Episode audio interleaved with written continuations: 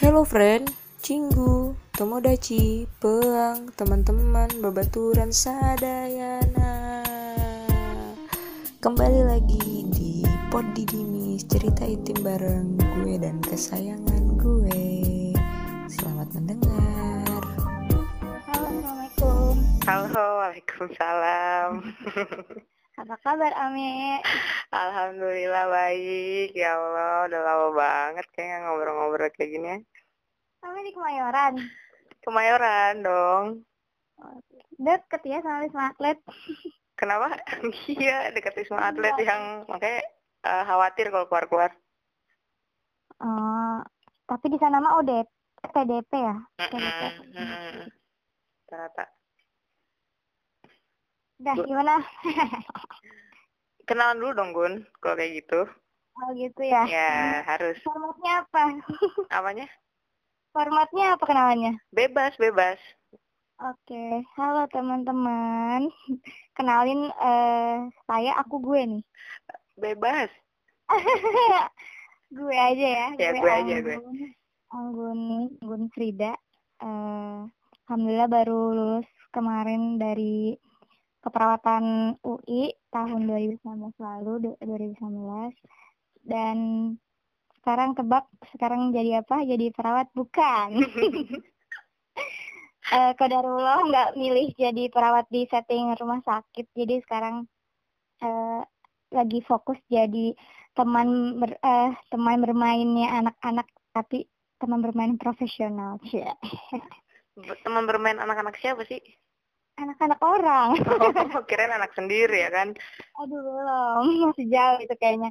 Iya jadi eh, di daycare kalau teman-teman mungkin eh, lebih apa lebih eh, familiarnya di lagi berkecimpung di dunia anak-anak ya itu fokusnya di daycare di psikologi UI gitu. Oh gitu. Eh, jadi gini, Anggun tuh dulu eh, teman SMA di Budut ya kan. Kita dulu Hmm. eh, deket eh, waktu di Rohis ya kan, karena sama-sama eh, betina alfa gitu kan. Kalau di Rohis tuh, Betina apa ya, Mbak? ya, lo nggak inget apa bikin Pak Erwin Oh. nangis? Oh iya ya Allah, kita nangisin guru agama teman-teman ya Allah banget perempuan macam apa ini? Aduh, ya Allah. Tapi waktu zaman zamannya kita emang bener-bener ya cewek-ceweknya tuh bener-bener kacau dah kata gue. Iya, eh ada cowok banyak ya nggak bukan nggak ada ya, cuman kenapa ya? Kurang Ya. kayak emang harus ada perempuan, jalan. harus ada Aduh. perempuan yang mendorong itu semua gitu. Aduh, kalau mendengar ini cowok-cowok rohisnya biasa aja. Biasa aja, mereka biasa aja. mereka Aduh, merasa kayak emang kayak begini mau gimana lagi gitu kata mereka. Mereka malah bersyukur ada cewek apa kayak Ah, kita gitu ya. Iya. Oh yang gue apa namanya? Jadi gue sebenernya pengen nanya dulu nih, apa sih akhirnya yang ngebuat lo tuh ngambil keperawatan gitu waktu apa yang di benak lo gitu? Eh gue deh ngambil keperawatan aja deh gitu. Apa ada kayak eh, pengalaman-pengalaman yang bikin, wah gue harus jadi perawat kayak gitu tuh gimana? Hmm. Eh, jadi dulu kita les bareng gak sih Mbak NS?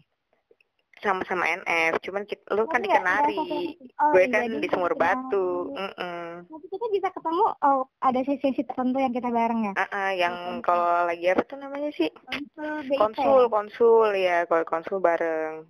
Iya, iya, maaf ya, Eh, Hmm. salah. Gue ingetnya bareng mulu sama lo. Iya, jadi tuh dulu eh, kalau misalkan orang-orang tahu gitu ya, eh gue tuh memang apa ya pengen banget di dunia kesehatan kayak gitu kan, di dunia kesehatan. Dan sempat eh, nggak sejalan juga sih sama kemauan orang tua yang pengen punya anak guru sebenarnya. Dari zaman kakak gue yang eh, perempuan yang di atas gue tuh dari awal dia udah mau ngambil psikologi, disuruh ngambil guru gitu kan. Terus eh, ke gue juga kayak gitu gitu. Tapi nggak bisa karena di otak gue itu guru itu ya monoton gitu kerjanya akan tek tek tek sehari ini itu itu itu gitu kan. Jadi eh, sedangkan gue tuh haus akan apa ya interaksi kali ya. Interaksi sama orang banyak kayak gitu. Terus sempat kepengen jadi dokter waktu itu.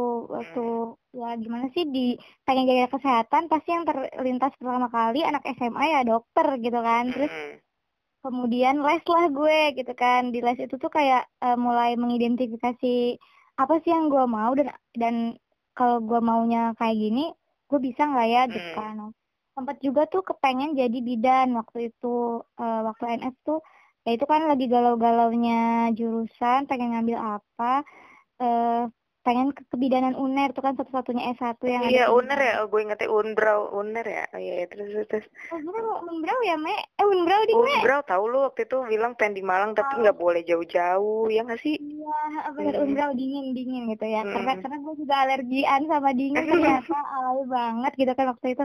Tapi udah izin sama orang tua dan nggak boleh kebidanan. Kenapa dulu kebidanan? Karena gue masih sama uh, pemahamannya sama orang-orang awam kalau uh, dokter uh, do kalau nggak dokter ya bidan yang bisa buka praktek sendiri kayak gitu kan.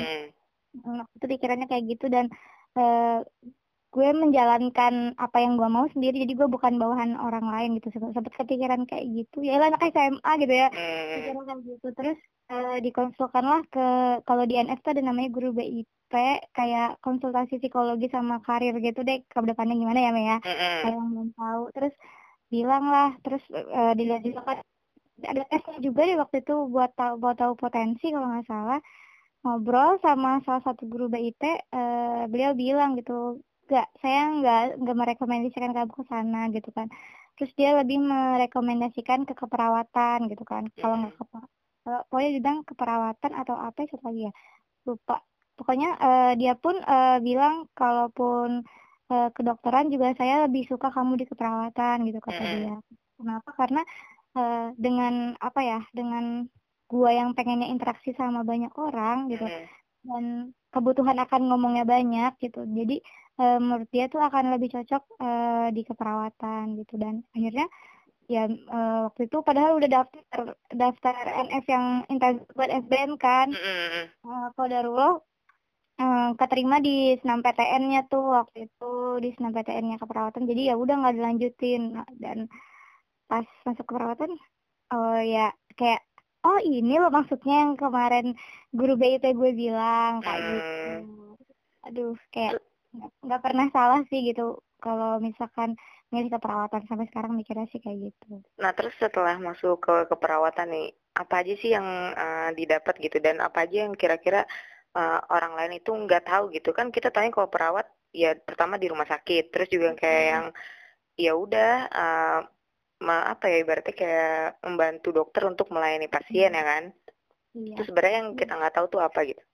iya pertama gue kemarin baru aja tuh uh, ikut jadi penjaga standnya UI Open Days yang kayak uh, kayak BKUI tapi ini yang bikin orang-orang humas UI-nya mm-hmm. rata-rata anak SMP tuh nggak tahu kalau keperawatan tuh ada spesialisnya mm. ada bahkan sampai S3-nya sampai profesor gitu karena dosen-dosen gue tuh ya pure dari dari orang-orang lulusan keperawatan yang sampai S3 ke luar negeri gitu. Mm -hmm. bukan bukan dokter atau bukan uh, tenaga kesehatan lain gitu. Dosennya ya pure emang ada ilmunya keperawatan itu yang pertama.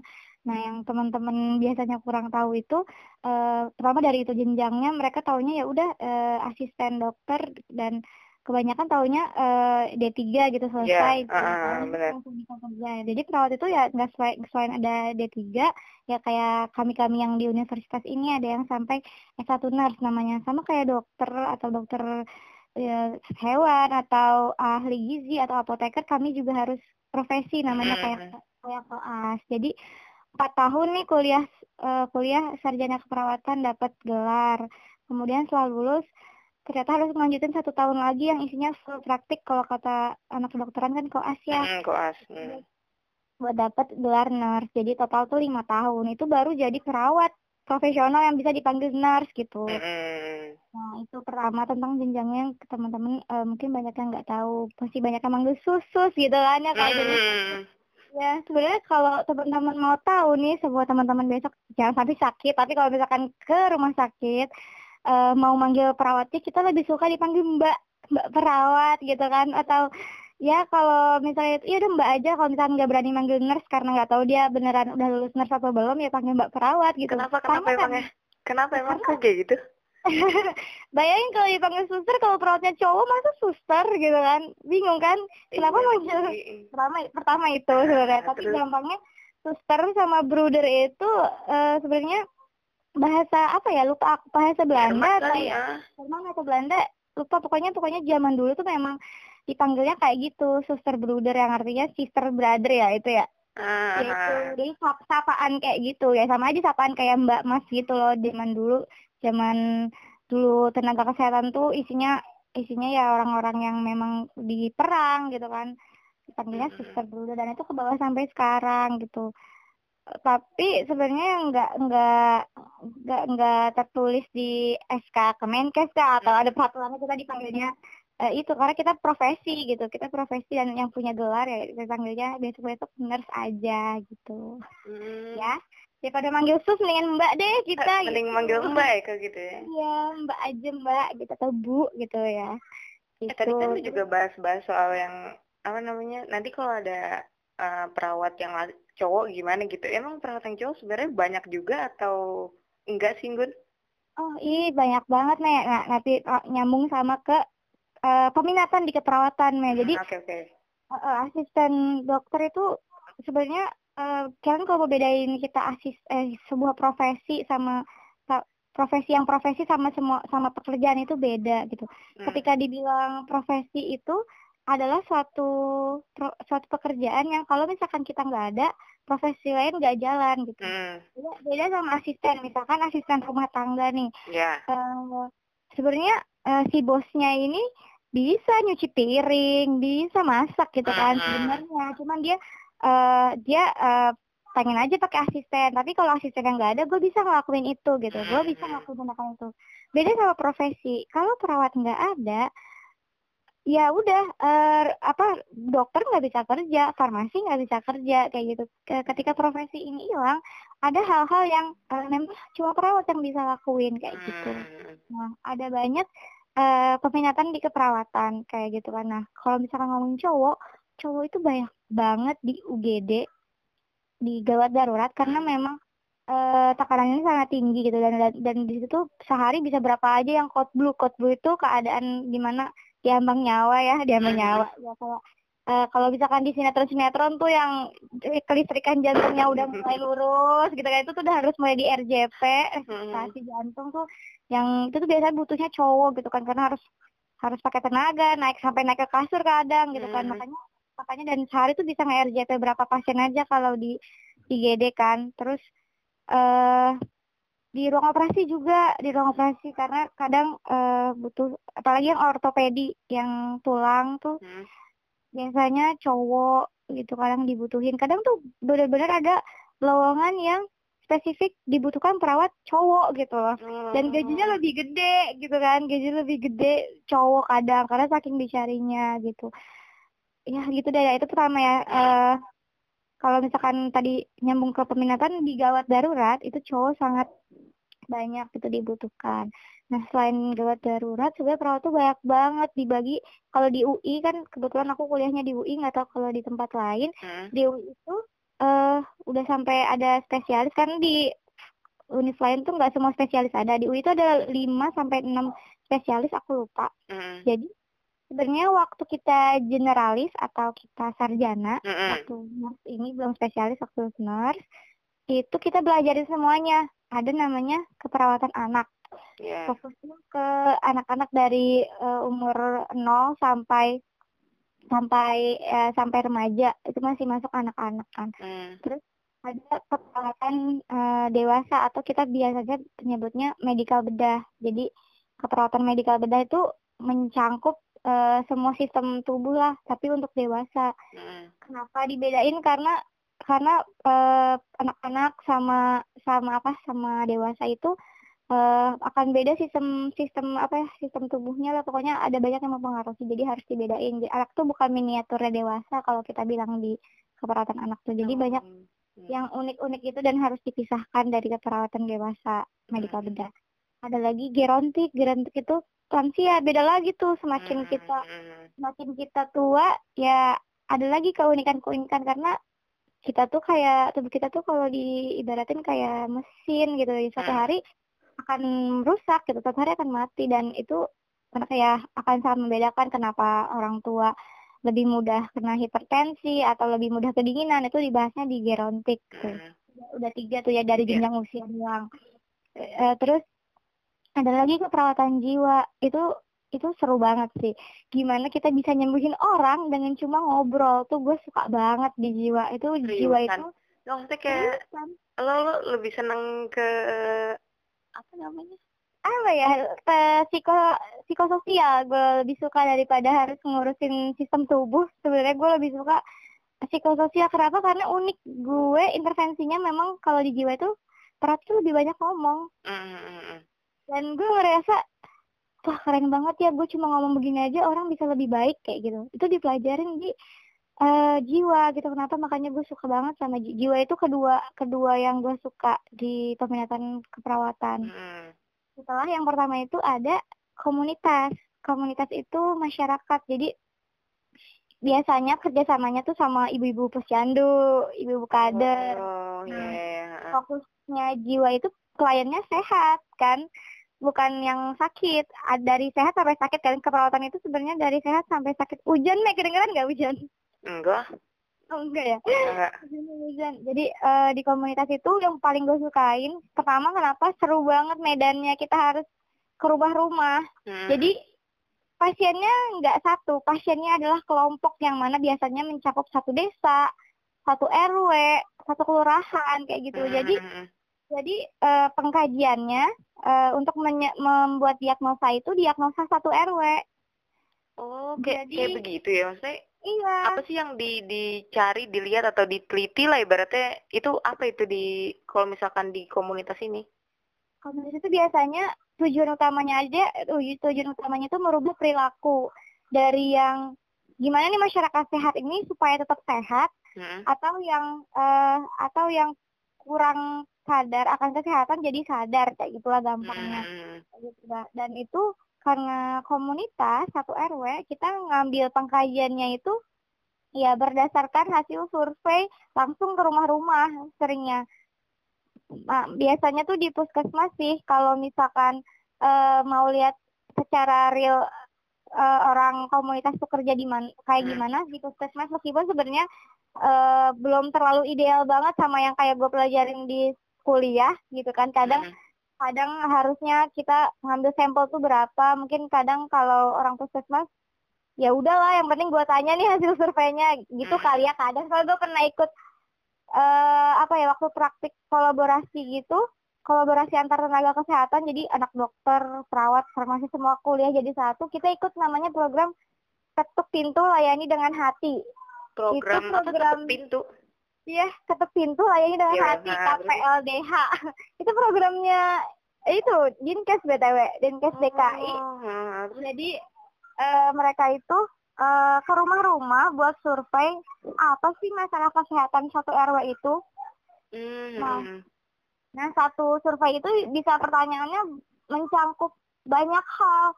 Merokok atau enggak, di rumahnya ada jamban apa enggak, ada yang riwayat kanker atau enggak. Jadi kayak satu keluarga tuh didata kayak Hmm. gitu. Nah, makanya Tapi- datanya Kesimpulannya tuh kesimpulan kelompok gitu.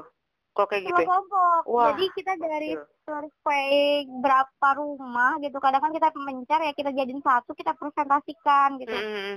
Eh, apa ya masalahnya? Kenapa? Itu tuh biasa dari hasil wawancara itu. Makanya hasil wawancaranya biasanya kuali dan kuanti itu udah kayak wow gitu kan. Menurut gue itu dari dari nentuin diagnosanya aja udah effort banget Hmm, gitu loh nggak betul. bisa Hmm. sehari gitu kan. Terus dari ngambil datanya aja tuh ada seninya gitu lo belum tentu dibukain pintunya gitu kan Iya, iya. siapa didatang gitu terus nggak semua masyarakat bisa nerima, Nerima, gitu nah, ya itu. ditanya gitu kan Mhm. ditanya-tanya dan itu menurut gue menarik banget apalagi ketika udah akhir- akhirnya berani bisa masuk ketika kita udah bisa masuk gua tuh dulu PR-nya waktu di komunitas tuh eh, selain mengkaji diagnosa satu RW gue juga harus punya klien binaan Hmm. klien binaan itu klien yang gua gua pegang dan gua akan datangin setiap minggunya buat gua intervensi langsung Klien binaan tuh berapa eh, keluarga gitu?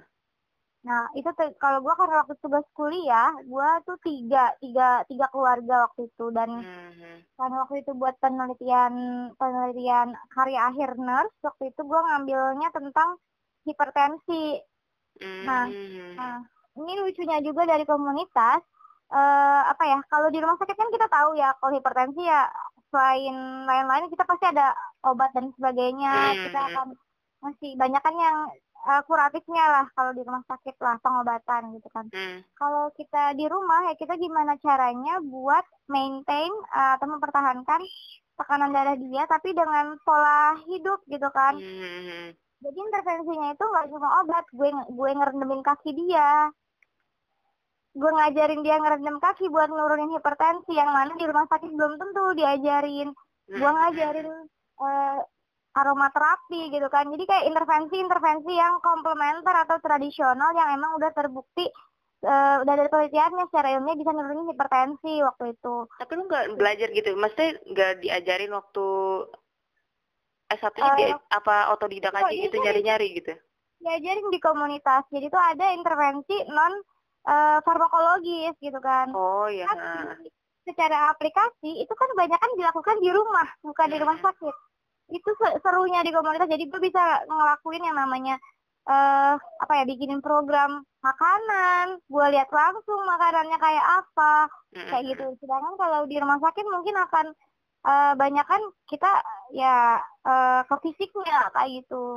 Jangan waktu gue di komunitas gue akan mikirin tidurnya dia juga. Hari ini dia muroto apa enggak kayak gitu nurunin hipertensi tuh ternyata merotol juga ada gitu ada ada efeknya di olahraga apa enggak Hmm. udah ke rumah sakit eh, udah udah periksa ke puskesmas apa enggak ikut posbin apa enggak dan kayak wow gitu sangat sangat holistik gitu yang gue lakuin waktu di komunitas kayak gitu Itu makanya gue Dalam waktu berapa lama gitu? Lo melakukan hal itu sampai akhirnya kayak kelihatan hasilnya? Nah ya biasanya kita ada scoring gitu kan jadi dalam satu keluarga pun diagnosanya nggak cuma satu kan Ah, iya betul. Hmm. Hmm. Eh, dan itu gue waktu itu karena yang pengen gue atasin itu pola apa ya dia tuh dia perilaku nama diagnosanya perilakunya cenderung beresiko jadi dia tuh nggak pernah ke rumah sakit eh nggak pernah periksain diri nggak pernah minum obat makanannya masih gak tinggi garam gitu kan dalam dengan masalah yang kayak gitu eh kira-kira program apa yang bisa gue lakuin karena waktu itu cuma dikasih waktu sebulan Hmm. Nah, jadi gue cuma bisa ngatasin dua diagnosa dari tiga sebenarnya yang gue yang gue angkat diagnosanya Hmm. dari satu keluarga itu gitu kan. Sedangkan keluarga yang lain gue cuma bisa satu gitu. Karena Hmm. seminggu gue bisa dua sampai tiga kali ke satu rumah dan gue harus ke tiga rumah gitu loh. Hmm. Seminggu lima hari, seminggu lima hari gue punya tiga klien dan itu ke rumahnya sendiri, rumahnya eh, dari dari kosan tuh kan lumayan gitu kan Hmm. lebih dari daerah binaannya jadi kayak dalam sebulan ya minimal dua diagnosa gitu sebulan gitu. Bisa teratasi. Ya gimana taunya kita sudah bisa berubah perilaku kan susah ya sebenarnya. Iya benar. sebenarnya nggak selesai itu se sebulan. Tapi ada beberapa hal yang harus kita highlight. Misalkan kita pengen berubahin dia seenggaknya dia ke posbindu setiap bulan gitu. Hmm. udah berhasil satu tercapai.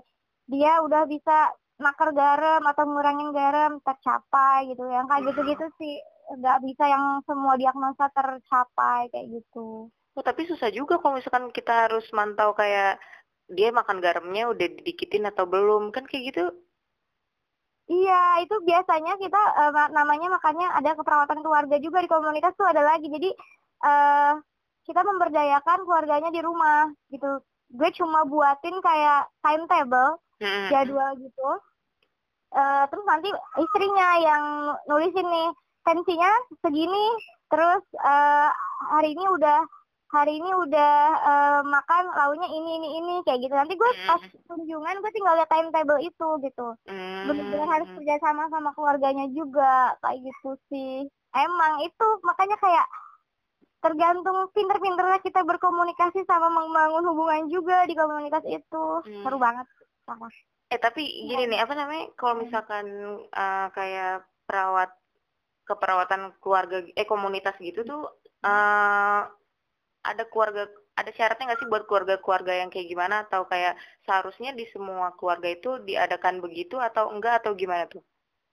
sebenarnya tuh harus. Jadi mau lo eh, seratanya misalkan lo BPJS apa BPJS itu nggak ada. Jadi Aha. sebenarnya emang tugas perawat komunitas itu eh, ke rumah-rumah gitu kadang kalau misalkan kita nggak punya nggak punya akses buat ke semua rumah satu RW kan nggak satu kelurahan kadang ke Hmm. puskesmas itu kita akan memberdayakan kader makanya ada kader kan kader posyandu posyandu kalau teman-teman tahu Hmm. ibu-ibu yang biasa di posyandu ibu-ibu yang biasa di posyandu itu mitranya kita komunitas Kira juga di Hmm. puskesmas itu punya kewajiban jadi kalau misalkan dari jam 8 sampai jam 10 mereka atau sampai jam 11 mereka praktek di puskesmas Mm-mm. jam setelah jam makan siang jam 1 jam 3 tuh harusnya mereka kunjungan. Hmm. kunjungan ke rumah. Jadi nggak ada tuh PNS puskesmas yang harusnya pulang setelah jam 12 itu nggak boleh sebenarnya. Masih jam kerja itu harusnya kunjungan gitu. Nah itu ya itu.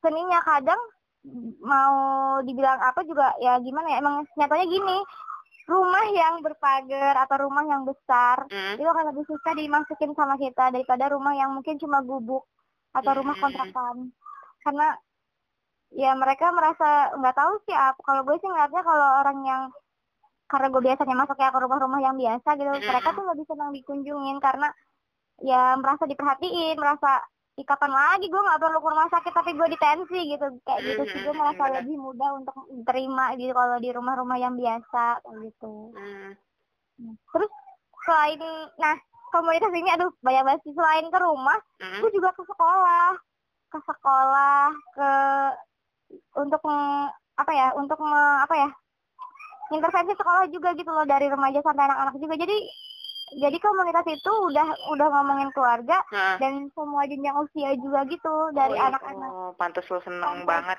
di sini ya. Terus terus terus. iya dari anak-anak sampai dewasa dan gue kan suka banget sama sekolah ya Mm-mm. ya udahlah kayak cinta banget sama komunitas gitu deh gue bisa eh, masuk ke sekolah juga masuk ke masyarakatnya juga masuk ke ibu-ibu jadi semua kalangan gue bisa masukin kayak gitu. Kalau ke sekolah gitu sebenarnya eh, biasanya permasalahannya apa tuh?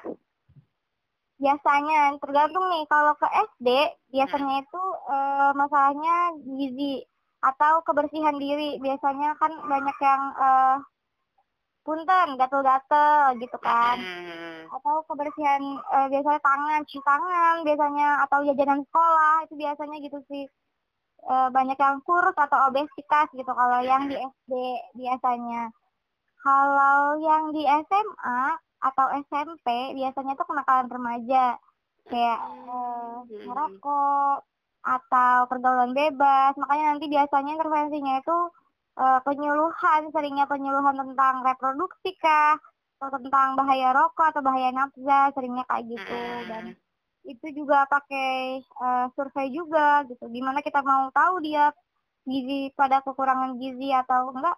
Biasanya kita sebelum ngelakuin intervensi kita akan bikin semacam screening dulu kayak gitu. Hmm. nah beda lagi kalau ke TK kalau ke TK biasanya tumbuh kembang kayak gitu. Biasanya juga kita akan periksain dulu tumbuh kembangnya anak-anaknya. Misalkan anak segini harusnya udah bisa distimulus pasang kancing sendiri ternyata dia belum bisa dan apa apa kayak itu banyak deh yang harus kita checklist checklist nanti kira-kira paling banyak apa yang kurang kita bikinin intervensi berupa acara biasanya atau berupa penyuluhan Hmm. Nah, terus eh, tadi kan yang komunitas nih ya kan, Bahas. Terus gue juga Hmm. kayak tertarik yang ngebahas tentang yang kejiwaan gitu tuh. Itu kan kayak orang biasanya takut kan sama yang berarti eh yang punya masalah kejiwaan kayak gini gitu. Itu Heeh. gimana cara kayak ngadepin ngadepinnya atau ada nggak sih sebenarnya cerita-cerita yang eh, wah nih ada orang yang kayak gini terus dihadapinnya harus kayak gini kayak gini gitu-gitu tuh ada nggak? Ah. Jadi pertama kalau soal takut gue juga takut sebenarnya waktu pertama Hmm, kali hmm, gue praktik gitu Apa kan. yang Wah, apa yang ada di bayangan lo gitu waktu pertama kali? Aduh, yang gue tahu orang gangguan jiwa itu kan dulu tuh ya sukanya menyerang gitu kan kalau kita lihat di rumah gitu kan takut aja gitu tiba-tiba diserang gitu ternyata dan dan uh, kodarullahnya pertama kali gue turun ke setting rumah sakit itu rumah sakit jiwa waktu gue Oh, semester pertama berapa kali itu. muternya itu muter eh waktu koas Bukan atau waktu Enggak, bukan. Waktu pertama kali kan dari semester 6 udah turun tuh, cuma bentar Oh, doang, nggak ah, full. Jadi kayak, seminggu di setting rumah sakit, nanti pulang eh, seminggu lagi di kampus gitu kan. Hmm. Nah, pertama kali banget gue turun tuh gue di jiwa. Itu Hmm. kayak, wah lu gue takut gitu kan ya. gue nggak bisa gitu, kayaknya gue nggak bisa gitu kan. Hmm. Ternyata, Masya Allah gitu, gue malah seneng banget. Jadi ternyata bentuk uh, gangguan jiwa itu banyak, Hmm, nggak nggak hmm. cuma yang menyerang. Memang ada uh, yang menyerang kalau kita di kesehatan nama diagnosanya resiko perilaku kekerasan gitu. Mm-mm. Tapi dia nggak menyerang terus ternyata. Jadi jiwa itu unik, nggak kayak apa ya, nggak kayak sakit uh, lain. apa ya sakit yang lain. Misalkan Hmm. sakit uh, jantung, keluhannya ya uh, sesak dadanya gitu. Nanti kalau misalkan dikasih obat bereda gitu misalkan. Mm. Eh, dan dan diagnosanya tuh bisa ya itu aja gitu selama tiga hari atau selama dia sakit ya itu aja diagnosanya gitu kan satu sedangkan kalau jiwa itu dalam satu hari gue bisa ganti lima diagnosa me Wah, maksudnya Gimana? gimana tuh?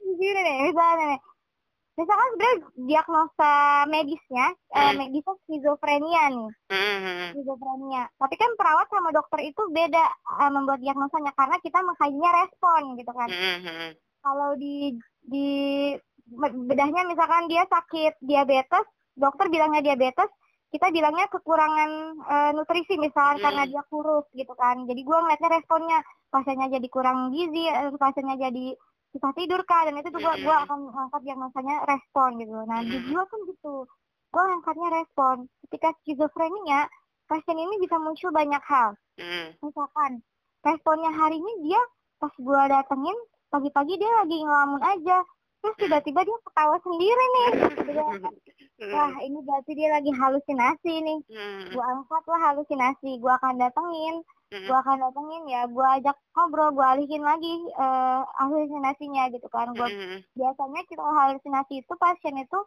eh pertama kali intervensinya adalah gua kasih tahu kalau itu tuh halusinasi nggak nyata gitu Mm. kalau gua ajak identifikasi cuma susahnya kalau misalkan dia masih tahap seneng sama halusinasinya halusinasinya belum mengganggu. Itu susah banget intervensi. Mm. paling cara ngilanginnya tuh saat itu ketika dia ketawa-ketawa sendiri ya gua ajak ngobrol dengan sesuatu yang dia suka gitu. Jangan sampai ngobrolin halusinasinya. Gua pernah ngobrol sama pasien yang ngerasa dia itu adalah eh, titisannya Nyi Roro Kidul. Ah gokil, aduh merinding gue terus terus. titisan Nyi Roro Kidul. Di tengah-tengah ngobrol tiba-tiba dia ke apa aduh kalau gue bisa praktek ini di depan lo pasti pasti lo kaget. Tiba-tiba tengah ngobrol dia lari ke tengah-tengah eh, taman. Ah, ah, dia mut, dia ng- ngarahin telunjuknya ke atas langit. Ah. dia puter-puter puter-puter dia tembakin ke langit. Gokil. Terus dia bilang pakai komat gamit gitu. Kalau dia tuh abis abis diserang gitu deh sama musuhnya. Ah, ah, ah. gitu Eh terus itu pagi harinya gitu kan Ah, ah. siangnya dia ngaku lagi kalau dia itu eh titisannya Nabi Muhammad. Waduh, gila. Itu dong, siapa tuh? Dia bisa ngobrol sama malaikat gitu. Jadi eh itu Lia kalau Eden, Lia kita- Eden. Iya, dia bilang dia dia nggak dia nggak takut mati, dia bisa ngobrol sama malaikat dan eh dia itu titisan Nabi. Nah itu beda lagi diagnosanya kalau udah kayak gitu.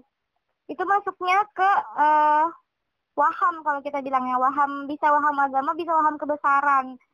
Kalau bahasa bahasa dokternya delusi delusional gitu. Jadi dia merasa dia itu eh bukan dia padahal dia merasa di sesuatu yang bukan dia. Kalau misalkan yang teman-teman biasa lihat itu mungkin yang kemarin ngaku jadi apa raja ya Eh, su- apa Sultan? Apa sih? Bukan Sultan Sultan, apa apa sih ya? yang di Brebes itu yang Empire Empire, Sunda ah, Sunda Empire bener-bener.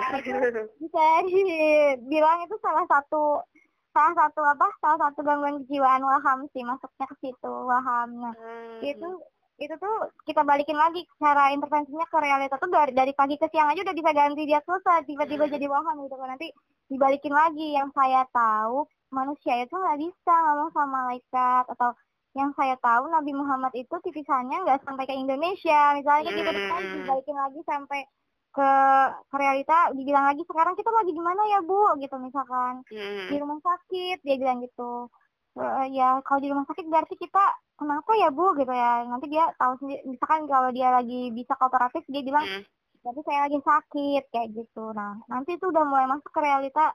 Mulai mudah tuh kita eh, ajak ngarahin lagi ke ke arah pembicaraan yang eh, normal lah kayak gitu. Hmm. Terus seru banget tuh kalau udah ngobrol tuh panjang banget bisa tiba-tiba belok lagi dia nanti ngerasa jadi apa gitu deh. Tapi tapi sangat gue nikmatin sih Hmm. ngobrol kayak gitu kan.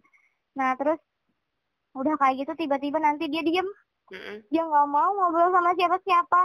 Dideketin dia nggak mau dia mau tutup kunci mulut aja. Itu nanti ganti lagi diagnosanya jadi isolasi sosial Waduh. makan nggak mau ngobrol nggak mau dideketin nggak mau bahkan dia salaman nggak mau ngasih tahu namanya aja dia nggak mau gitu kan Hmm. kadang ada kondisi-kondisi yang kayak gitu itu isolasi sosial kita angkat diagnosanya terus nanti coba nih dideketin sama satu perawat misalkan diajak ngobrol caranya kalau isolasi sosial tuh pertama kali cuma diajak kenalan intervensi pertama kali tuh dia dia mau kenalan sama kita aja salaman sama Hmm. kita aja itu udah satu checklist ter berhasil gitu. Gue berhasil nyuruh dia ngomong sama gue dengan natap mata gue sama mau salaman aja. Itu gue berhasil satu checklist gitu. Hmm. kalau dia udah mau ngomong sama gue kenalan sama gue Hmm. nanti baru kita ke kenalan ke temen yang lain. Terus tuh kalau dia udah mau kenalan sama banyak orang terus dia mau ikut aktivitasnya kita tuh ada aktivitas kelompok gitu. Kayak main gitu. Main catur lah main games lah sama sama pasien gitu. Hmm. Kalau dia mau ikut terlibat di situ berhasil tuh diagnosa udah berhasil selesai di isolasi sosial. Hmm. biasanya udah habis isolasi sosial itu eh biasanya kita udah bisa ngobrol nih kan udah bisa mengkaji banyak udah bisa gue gali banyak nih pasien udah mau ngomong. Ketahuan nih seringnya masalahnya apa? HDR nih HDR itu harga diri rendah. Itu kayak perasaan gak percaya diri perasaan gak perasaan gak berdaya dulunya gitu kan kayak Ah. saya saya itu kayak gini saya ngerasa malu ngomong sama teman kalau saya jelek misalkan Hmm. saya jelek kenapa kenapa ngerasa jelek misalkan dulu ternyata banyak faktor-faktor lain ternyata tuh biasanya unik mah ini dosen gue sendiri sih yang ngomong Hmm.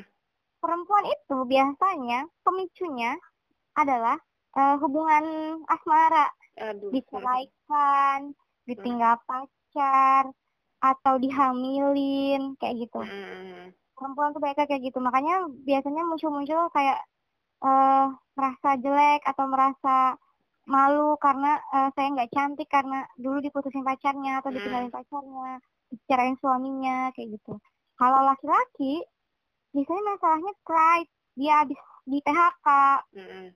atau dia eh, memang nggak bisa atau ditinggalin ditinggalin istri tapi ditinggalin istrinya karena nggak punya pekerjaan. Kayak gitu Hmm. banyak kan nah biasanya mereka bilang malu saya saya mah eh, nggak punya apa-apa kayak gitu misalnya kayak gitu.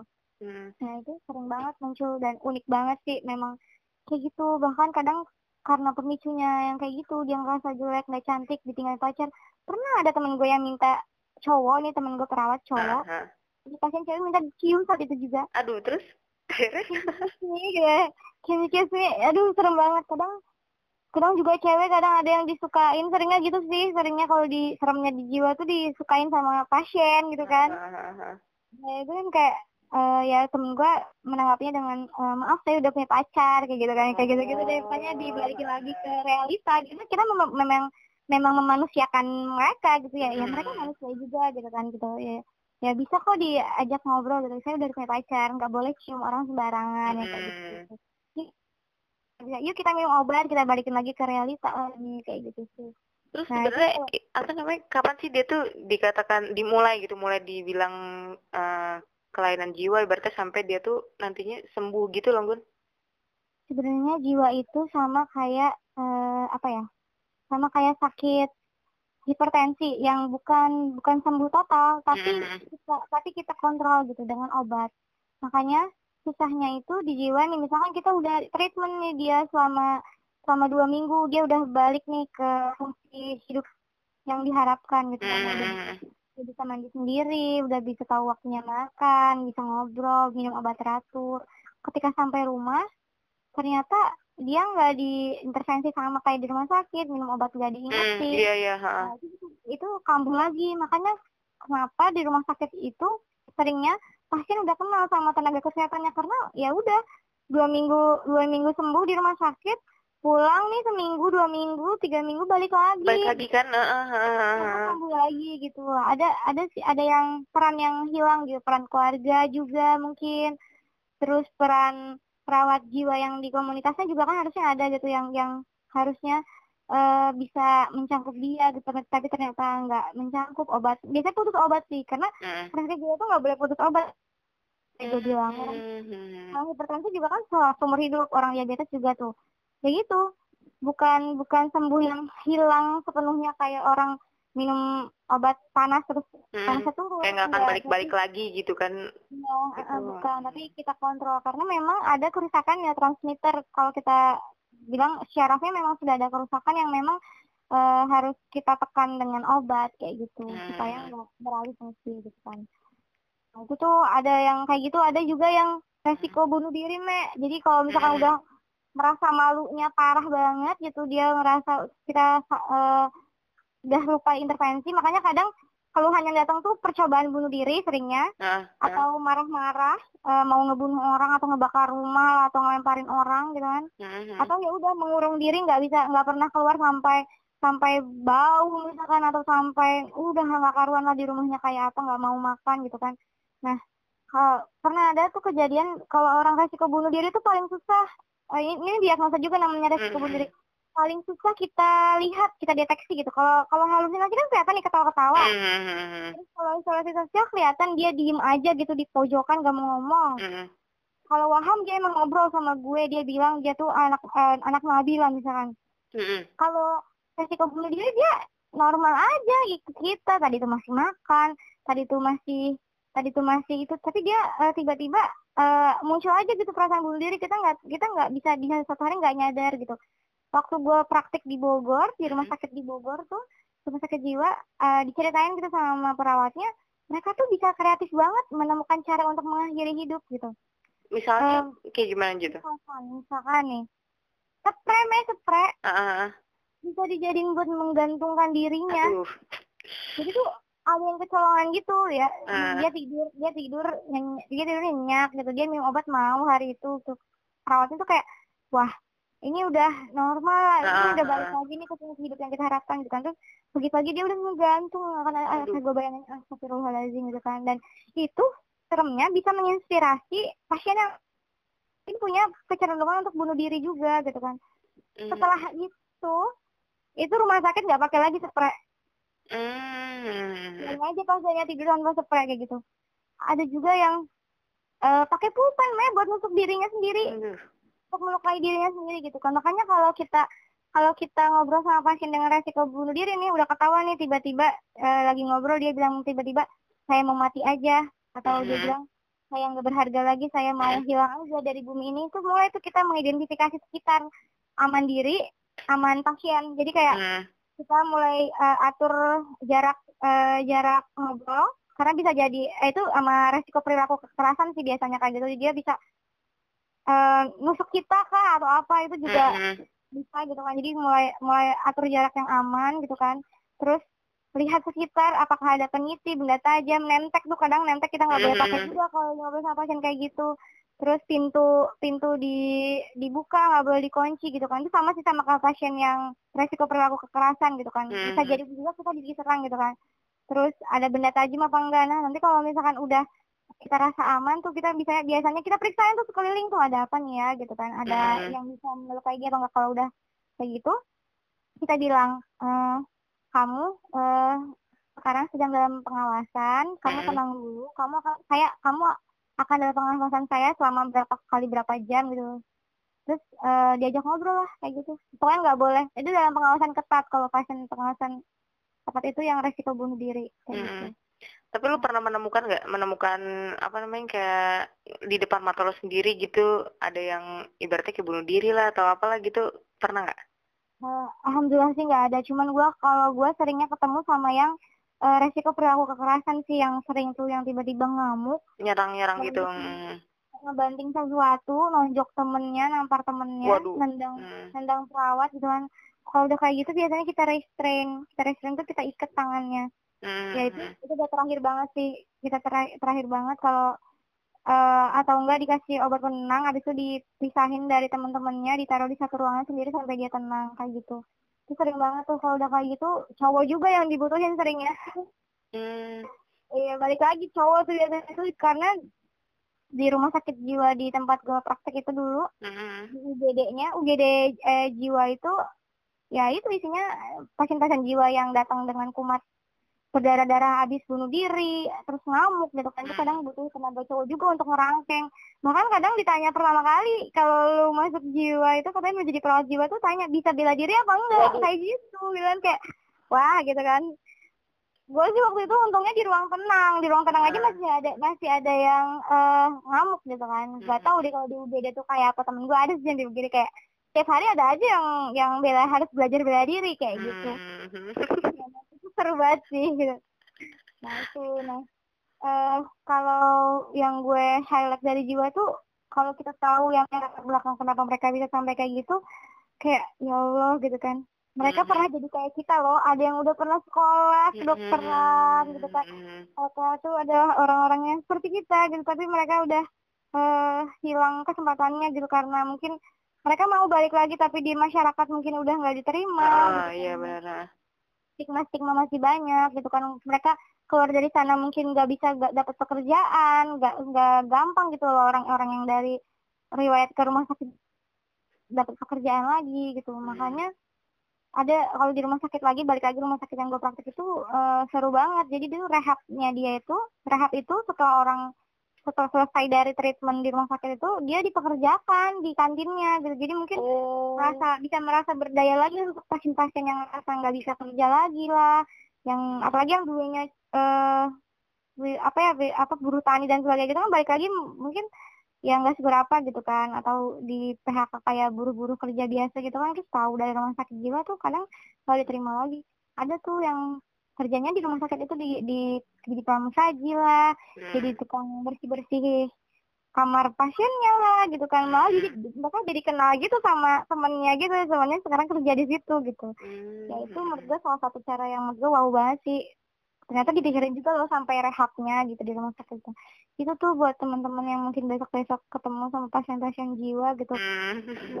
mereka juga enggak usah takut gitu sama sama mereka nggak ganggu ya nggak usah ya minimal nggak usah kasih tatapan menakutkan meskipun mungkin takut gitu kalau bisa ya eh, nggak usah dikasih tahu kalau takut gitu. Nah, nah, apa yang harus dilakukan gitu pertama kali kalau misalkan ya ibaratnya kita ngeliat uh, kalau hmm. biasa kan di masyarakat bilangnya orang gila gitu ya kan. Hmm. Itu sebenarnya kita harus melakukan apa sih kayak untuk supaya kita nggak ya kita juga kan sebenarnya kagak tahu ya dia tuh menyerang -huh. atau tidak kayak tadi lo tuh dia yang lo bilang gitu ya udah apa santai aja apa gimana gitu santai aja. Kalau mereka ajak ngobrol kita ajak ngobrol kayak orang biasa. Gue pernah me lagi ngantri ke dokter gigi ganti karet behel me hmm. tiba-tiba ada yang datang duduk set terus dia nyebut sama dokter gitu dokter dokter apa gitu? Dokter ini mana? Terus pasien eh pasien-pasien yang lagi nunggu juga bareng gue tuh langsung nengok ke gue sama kayak gitu kan kayak uh-huh. Gitu orang sakit jiwa gitu kan. Karena bau banget me. Dan uh-huh. pakai celana terbalik itu tapi kayaknya punya keluarga gitu kan. Uh-huh. dia ngajak ngobrol orang situ. Pasien eh, eh, dokter ini mana gitu. Nggak ada yang ngajak ngobrol gitu terus kayak ngasih mata yang lirikan gitu kan. Terus akhirnya gue gue gue liatin tiga detik gue aja tahu nih ini saya uh, dia pasien gangguan jiwa nih kayaknya uh, lagi kehilangan arah nih gitu kan. Kayaknya lagi kabur dari rumah gitu kan. Gue aja ngobrol seperti biasa lagi nyari dokter siapa gue bilang gitu kan. Hmm, aduh aduh dia dia sebut dokternya gitu.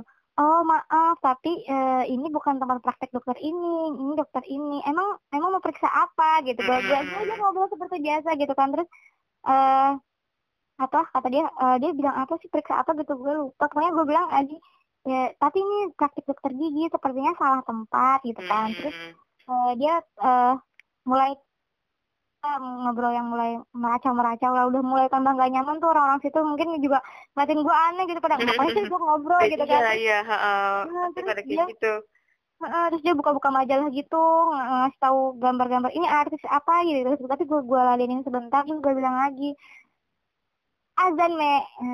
Bapak Islam apa bukan? Gue bilang gitu me gitu kan. Gitu dia Islam gitu kan. Sih uh sepertinya udah azan pak. Sekarang sepertinya waktunya sholat. Gue bilang kan nggak enak ya kalau pikir pergi sana gitu kan. Kan nggak bisa ya. nggak bisa kita, kita manusiakan gitu. Tapi bisa aja kalau kalau mau. Tapi kan ya yang manusia kan nggak nggak diusir gitu kan. Gue bilang aja gitu. Sekarang kayaknya udah azan deh pak gitu kan. Uh, kayaknya waktunya sholat maghrib gue bilang gitu kan. Oh gitu ya? Masih di sini di mana? gitu. Bapak nanti kan jadi ada masjid gue bilang gitu kan. Tempat dia tuh nggak mau pergi berapa kali terus hmm. uh, bapak pasiennya dokter ini bukan dokter gigi gue terus bilang bukan gitu. Wah gitu kan. Nanti kalau dokter ah, dokternya tahu ada pasiennya bukan pasiennya saya khawatir nanti dokternya bingung gitu kan. Kalau Hmm. sepertinya mendingan bapak sholat aja sekarang gitu kan. Gitu kan akhirnya dia keluar gitu. Dia jalan keluar kalau memang kita nggak membuat mereka membuat mereka mau gitu ikut yang mau kita mau dengan komunikasi sebenarnya Hmm. Terus Jangan- setelah di akhirnya keluar Hmm. keluar tuh mereka pasien-pasien yang nunggu bareng gue tuh cuma ketawa-ketawa emangnya orang orang gila masih bilang gitu orang gila terus gue bilang ya, ya masih bukan gila tapi gangguan jiwa gitu kan kayak Hmm. banyak yang belum paham gitu kalau udah pergi aja mereka jadi mulai ngobrol satu sama lain. Tadi tadi aja diem aja Diem aja. kan. Diem aja malah ngelirik-ngelirik terus nutup hidung gitu loh me gue juga gue juga nggak nyaman. Tapi ya sebagai nggak nyaman pasti nggak nyaman dengan bau yang kayak gitu. Tapi bisa nggak perlu lah dikasih tahu dia orang sakit gitu loh. Kayak misalkan ya sama kayak lu mentreatment orang eh, misalkan maaf eh, abis kemo gitu kan. Terus eh, mungkin ada beberapa bagian yang dia nggak mau dia, dia kita liatin ya jangan diliatin gitu kan. Sama kalau misalkan bau ya ya udah jangan kayak gitu gitu. Hmm. Eh, emang itu perlu latihan sih dan dan gue juga tahu kayak gitu karena gue udah, eh, udah pernah ketemu langsung dengan banyak tipe gitu bisa gue pahamin sih. Tapi mungkin ke depannya perlu sih untuk mengurangi stigma lah minimal minimal nggak usah eh, nggak usah dijauhin lah. Nah, kalau emang mau ma- emang takut ya udah eh, dihindarin tapi nggak usah gitu sih. Hmm. Karena latar belakang mereka tuh kita nggak pernah tahu apa yang bisa mereka laluin sampai kayak gitu gitu Eh, iya betul. Eh, oh ya terus ini nih Gun, kan kemarin gue sempat nyinggung juga nih masalah highlight lo yang di Instagram kan, yang tentang Jun itu. Itu gimana sih ceritanya? Gue sebenarnya kayak pas baca gini, Iko bisa kayak gini, Iko kayak gini sih. Cuman kayak gitu doang di benak gue. Cuman kayak, oh ya udah deh ntar deh gue bakal tanya gitu. Nah sekarang lo bisa jelasin deh nih. Oh iya, ini story apa sih? Jadi gue pernah bikin story gitu tentang eh, pilihan gue setelah pasca kampus gitu kan. Hmm. Nah, jadi eh eh, alhamdulillah gitu, nggak tahu ini alhamdulillah atau apa, tapi harusnya alhamdulillah sih waktu itu gue dapet dapet eh, tiket golden ticket lah kalau kita bilangnya untuk eh, masuk eh, rumah sakit rujukan di Jakarta lah yang Hmm. eh, yang memang banyak orang-orang mau masuk sih yang memang pengen di setting klinis atau yang suka banget sama eh, keperawatan dewasa atau Hmm. bedah yang tadi gue bilang mereka pasti akan sangat senang dapet di situ gitu kan Hmm. gue dapet tanpa tes waktu itu karena pakai ke jalur kerja sama antara UI rumah sakit ini gitu jadi buat 10 besar Hmm. IPK tertinggi itu eh, bisa masuk tanpa tes gitu kan Hmm. dan alhamdulillah gue eh, nggak alhamdulillah dapet gitu kan waktu itu nah tapi waktu gue itu tuh dari gue jauh-jauh gue pas pengen lulus tuh gue udah punya rencana gue tuh pengen ke pelosok me Hmm. pengen ke pelosok banget kan karena jiwa gue memang komunitas banget dan gue menemukan kebahagiaan lah. Jadi gue ngerasa passion gue memang harus ketemu orang eh, di di masyarakat gitu. Hmm. Nah, gitu. Terus eh, pas tahu dapet itu hmm, sempat bingung gitu kan karena eh, kontraknya kan gak main-main. Kontraknya itu dua tahun gak boleh ke mana-mana gitu. Dua tahun ke mana-mana maksudnya eh apa maksudnya tuh nggak boleh keluar karena kalau keluar ada penaltinya terus ijazah pun ditahan kayak Hmm. gitu dua tahun. Itu masih pegawai eh, kontrak kan. Nanti setelah dua tahun kalau misalkan mau diperpanjang lagi bisa tuh lima tahun 10 tahun gitu. Tapi ya udah eh, di rumah sakit gitu kan. Hmm. dan dan settingnya tuh eh ya mereka yang tentuin. Jadi kalau generalis itu pindah-pindah nanti di anak nanti di nanti di bedah misalkan gitu. Nggak selalu jadi perawat anak karena belum Hmm. spesialis kan. Nah kalau di rumah sakit gitu gitu. Nah gue gue merasa eh, itu bukan rencana gue atau itu bukan gue lah gitu lah gampang Hmm. gitu. Bukan rumah sakit yang nggak bagus bagus banget orang rujukan Hmm, nasional iya. gitu karena semua orang siapa sih nggak mau gitu. Tapi dan gue ngerasa mungkin ada yang eh, ada yang lebih apa ya lebih pantas dapetin itu gitu kan dan bisa diganti kan sebenarnya bukan eh, nggak harus gue gitu. Kalau misalkan gue nggak mau bisa diganti ke bawahnya. Cuman waktu itu gue galau banget karena ka- pas gue akhirnya memutuskan untuk nggak ngambil itu gue kasih ke orang gue mau ngambil di RS kampus. RS kampus gue itu eh, punya layanan mm, perawat primer eh, primary healthcare tuh kayak kayak sebenarnya di di rumah sakit lain juga ada poli Hmm. gitu kan ada poli rawat jalan gitu Mm. cuman bedanya kalau di RS kampus gue itu dia bisa sampai ngunjungin rumahnya gitu kan Oh, iya ya. Nah, ada terus. home care gitu layanan home care dan memang gue sangat mendamba gitu mendamba rumah sakit yang memang langsung lihat pasiennya ke rumahnya gitu dan gue Mm, bucin banget di RS kampus tuh kan kayak gila gitu gue gue harus dapet situ. Dan ya udah gue cuma daftar di situ. Hmm. orang-orang mau daftar PNS ke apa ke karena gue nggak mau jadi perawat selamanya. Jujur nih ya. Mm. gue nggak mau jadi perawat di rumah sakit selamanya karena gue mikirin anak gue padahal Hmm. juga saja belum ada ya. Juga saja belum ada udah gue pikirin gitu. Gue gue punya punya harapan gue nanti akan menemani di seribu hari pertama kehidupan gitu kan. Kayak Mm. Kalau misalkan gue jadi perawat di rumah sakit mungkin gue nggak akan bisa nemenin tumbuh kembangnya gitu suatu hari gitu.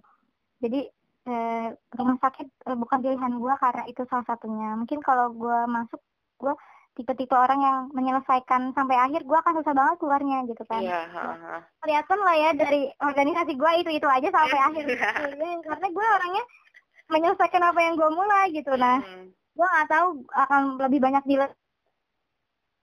eh, mau keluar aja pasti gue nggak enakan gitu orangnya Mhm. gitu. gue mendingan diputus dari sekarang nah nah tapi gue tuh pas daftar RS kampus ternyata gue nggak lolos gitu gue Mm. gue sampai tahap psikotes doang gitu dan bodoh itu mungkin nggak lolosnya karena gue psikotes pakai pulpen Mm. dan sedangkan disuruhnya pensil HB gitu kan waktu itu Mm. jadi kayak kayak gue tuh udah megang pensil HB dan pulpen ada ada bagian-bagian yang memang boleh pakai pulpen nah nah pas sampai ke bagian yang cuma harus pakai pensil HB gue keterlanjur keterusan gitu loh pakai pulpennya. Heeh. bahkan itu itu padahal sesi ngegambar gitu loh me Heeh. orang kan ngegambar ketahuan ya kalau kalau kalau kalau dia ngerasa salah dia pengen hapus gitu kan. Kalau gue kan emang fisiknya salah ya gue gua kerengin lagi gitu. Jadi gue nggak nyadar sampai akhir kalau gue tuh pakai pulpen pas nyadarnya tuh pas mau ngumpulin teman sebelah gue tuh bilang lo pakai pulpen gue gitu kayak iya gitu. Ah boleh nggak ya gak apa-apa kali ya gue bilang gitu. Terus gue tetap Iya. ngumpulin aja dan gue ngumpulin pertama. Gila nggak sih tuh dari dulu emang tingkat kepedeannya tuh mendarah daging gitu ya. Nah, terus gak keterima gitu kan. Kodarullah gak keterima. Terus Mm.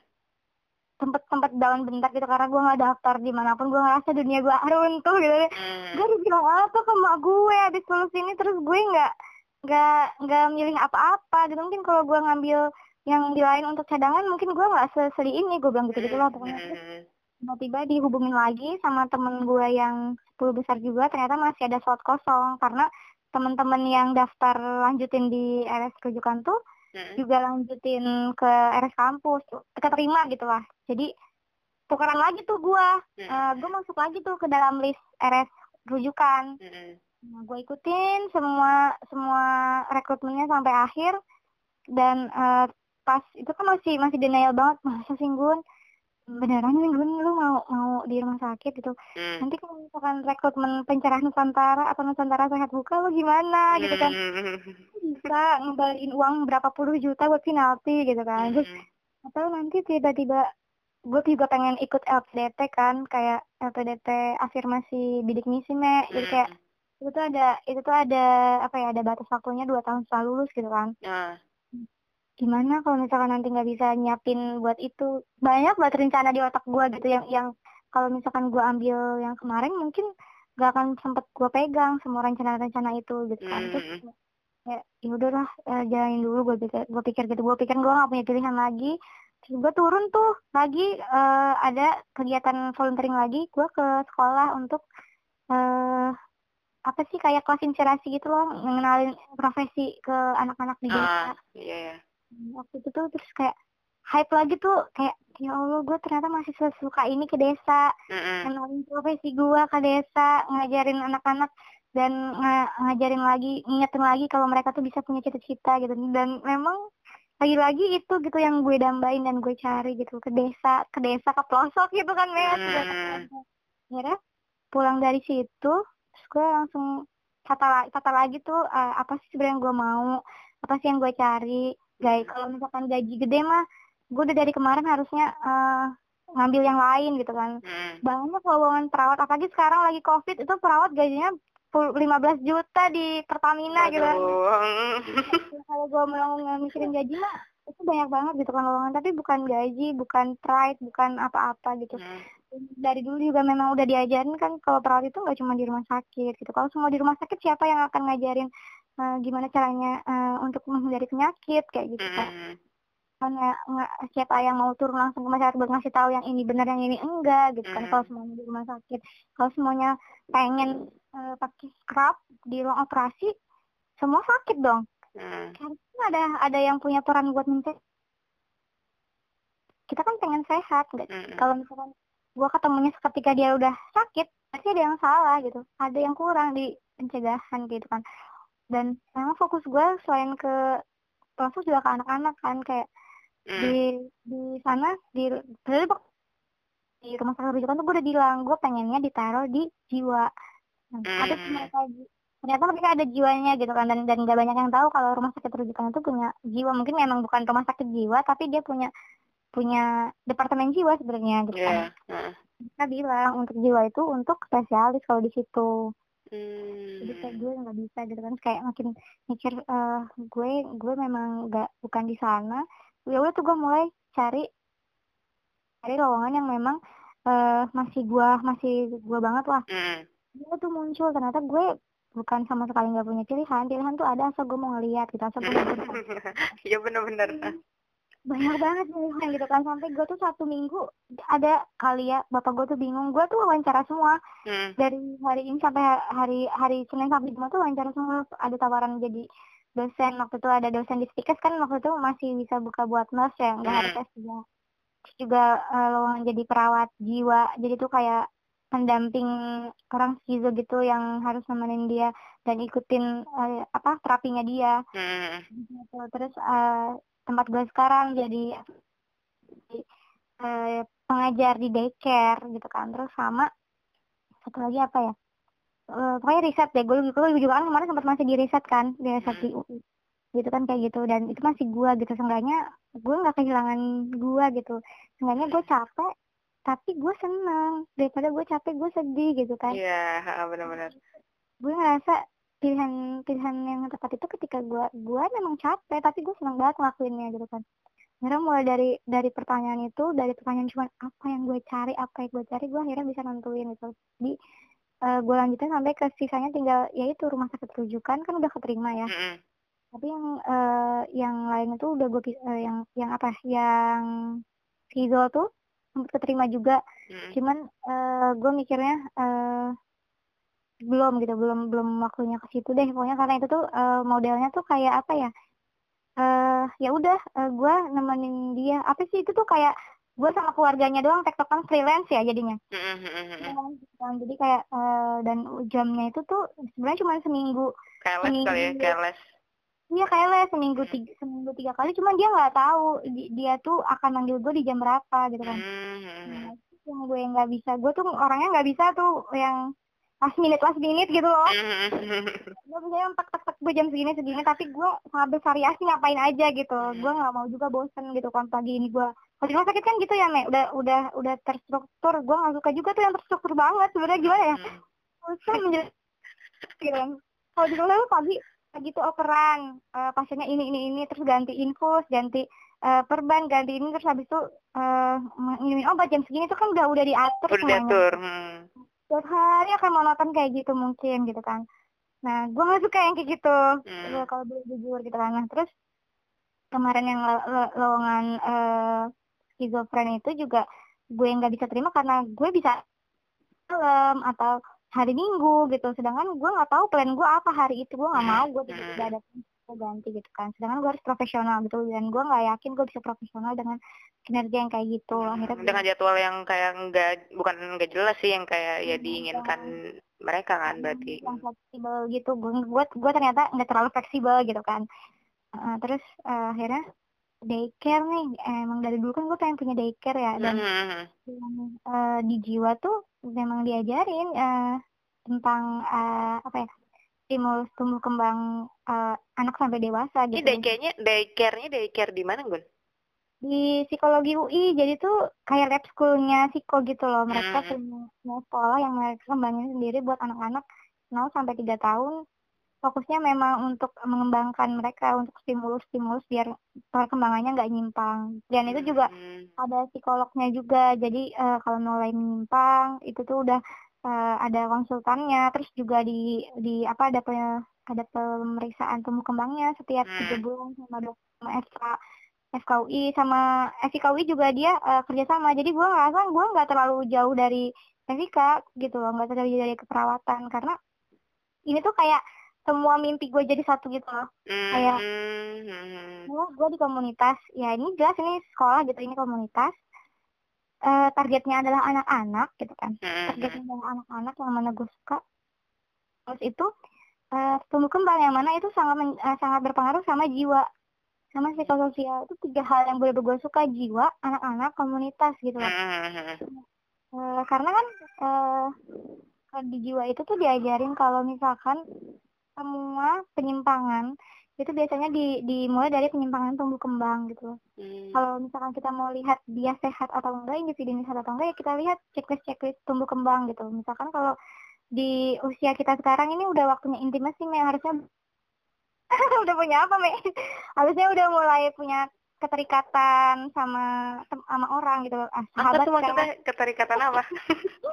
keterikatan sama lawan jenis mungkin sama teman gitu. Di usia usia kita jadi kalau misalkan di usia kita udah mikirin nikah tuh kan itu tuh malah normal gitu. Kalau dia udah kalau dia nggak mikirin nikah malah dia nggak normal. Jadi kita normal me tenang aja. Oh iya, alhamdulillah. Ya Allah.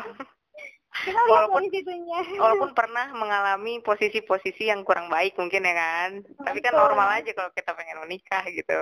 iya ya itu makanya meskipun udah pernah dikecewakan gitu tapi masih mikirin nikah itu masih normal. Kan Oh kalau iya. kalau orang udah di udah di sakitin sudah nggak mau nikah lagi selamanya berarti ada penyimpangan di tumbuh kembangnya. Itu itu bisa memicu gangguan jiwa. Hmm. tuh nah, makanya kata gue ini tuh relate banget. Nah dari dari dari sejak dini pun eh tumbuh kembang kan udah benar-benar diliatin kan. Nah itu eh, gimana caranya biar anak-anak itu nggak mengarah ke sana nggak regresi. Kalau ngeliat anak-anak yang anak-anak yang apa eh, belum eh, nangis gitu kan. Hmm. kenapa sih gitu? Atau kenapa sih belum bisa ngomong juga gitu? Kenapa sih dia eh, buat buat ngasih tahu dia mau pipis aja dia pakai nangis gitu kan? Hmm. Ternyata ada aspek-aspek lain yang eh, sangat berpengaruh pola pengasuhan kah?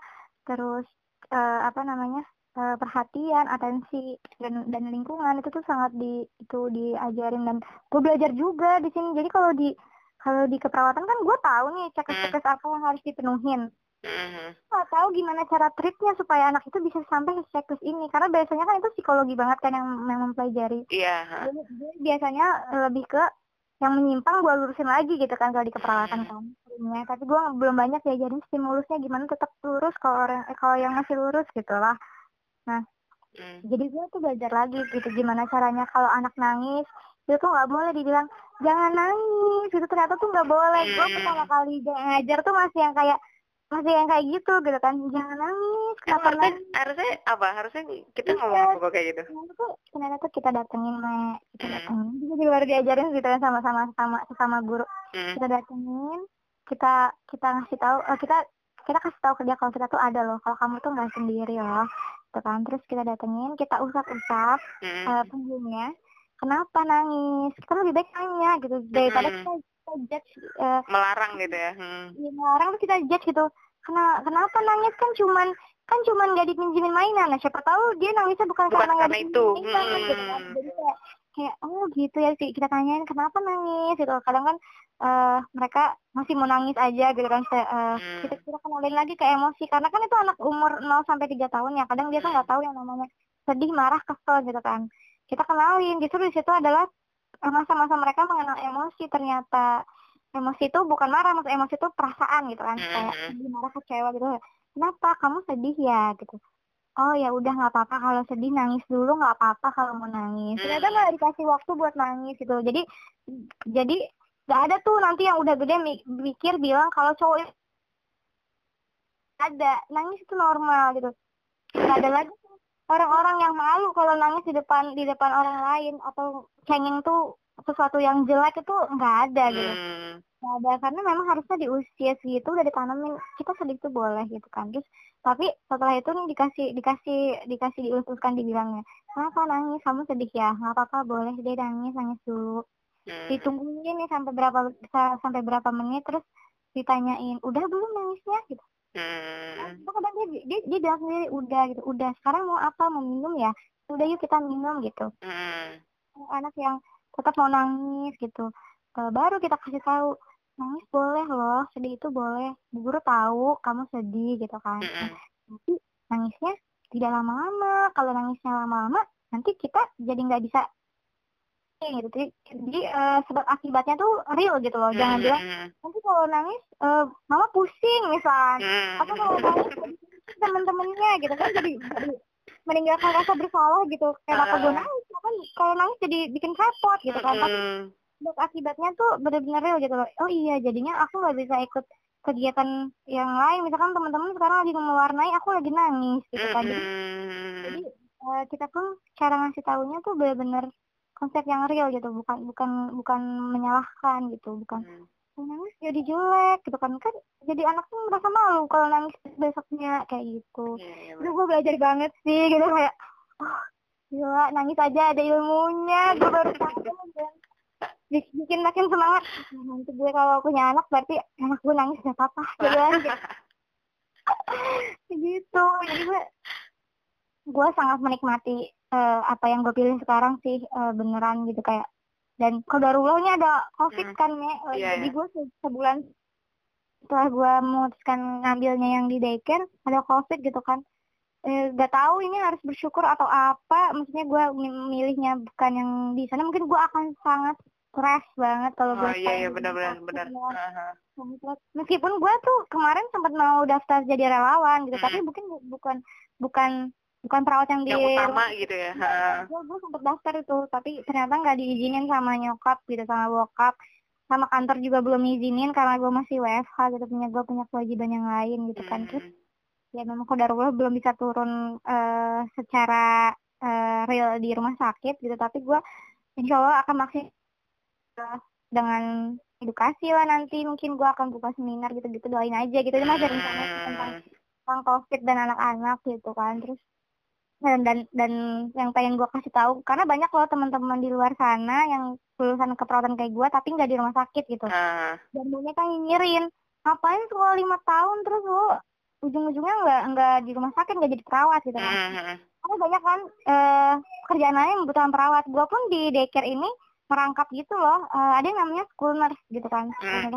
meskipun gue nggak di gue tuh sebenarnya pengajar tapi gue eh, juga masukin kurikulum promkes gitu loh. Juga gue ngajarin penyuluhan juga sama kayak tugasnya perawat sekolah. Jadi tuh ada kalau di sekolah-sekolah swasta sih banyak kan di negeri belum ada perawat Hmm. sekolahnya perawat UKS gitu kan. Nah ada namanya perawat UKS terus juga perawat industri yang di yang di pabrik-pabrik. Eh, dan eh, ada juga yang apa eh, teman-teman gue banyak juga tuh yang di kantor-kantor kayak halo dokter, halo dok yang emang fokusnya edukasi banyak kan memang bukan bukan intervensi tapi itu juga perawat gitu dan Hmm. kualifikasinya memang perawat kayak gitu dan gue pengen bilang gitu buat teman-teman yang memang gak berkecimpung langsung di eh, rumah sakit kalian tetap perawat meskipun kalian gak pakai seragam gitu kalian tetap luar dalam perawat karena perawat itu nggak cuman nggak cuman di rumah sakit dan Hmm. dan nggak cuman mem- mengembalikan fungsi hidup orang tuh nggak cuman harus lewat intervensi langsung tapi juga bisa lewat mencegah kayak gitu dan teman-teman tuh udah ngelakuin di tempatnya teman-teman kayak gitu kira Hmm. kedengeran gak suara kakak gue Enggak. Ada pesan-pesan lain nggak? Misalnya kayak buat apa ya? Pasien atau apa gitulah. Tadi kan untuk perawat-perawat kan udah kan? Mm-mm. Ya, buat eh, Atau untuk anak-anak, untuk apa gitulah. buat ini aja sih teman-teman yang masih mikir perawat itu asisten dokter kali ya Mm-mm. nanti teman-teman eh, mungkin akan mungkin kalau dari dulu ini covid ini melihat banget sih fungsinya perawat itu kayak apa Mm-mm. Ya benar-benar. teman-teman nggak nggak nggak bisa laluin eh, memang penyakit dari Allah datangnya gitu sembuh juga atas dasar Allah tapi perawat itu salah satu perantaranya gitu teman-teman eh, eh, nggak bisa gitu. Kalau misalkan sakit dirawat cuma pakai dokter. Benar-benar nggak bisa. Karena yang ngeliatin teman-teman dari bangun sampai tidur lagi itu perawat Hmm. nemenin teman-teman dari sehat sampai sakit itu sebenarnya ada tugas perawat semuanya. Hmm. dari anak kecil lahir itu ada perawat sampai kamu meninggal itu juga ada perawat gitu. Jadi ada di- dari lahir sampai meninggal dari tidur sampai bangun gitu. Karena kita seholistik itu gitu. Dan kamu bisa nemenin perawat nggak cuma di rumah sakit kok? Di sekolah di rumah kamu bahkan. Gitu karena kita ada di mana-mana gitu. Dan Hihi. sama apa ya? Eh ya berkontribusi lah teman-teman dengan cara teman-teman masing-masing. Eh pilih kontribusi yang merasa teman-teman paling maksimal di sana total di dalamnya dan eh, kasih tahu gitu. Karena kita bisa bisa menjadi baik ketika kita jalanin yang memang kita suka jangan sampai kita ngejalanin karena terpaksa meskipun kita pasti belajar sesuatu yang baru gitu Mm-mm. tapi kalau misalkan ngomonginnya kontribusi pilihlah yang teman-teman rasa nyaman dan bisa di dalamnya gitu. Hmm. Gun kan Anggun lagi ini nih, lagi buat buku ya. Oh, Bukunya iya. tentang apa sih? itu jauh banget sih soal sama soal keperawatan Iya iya.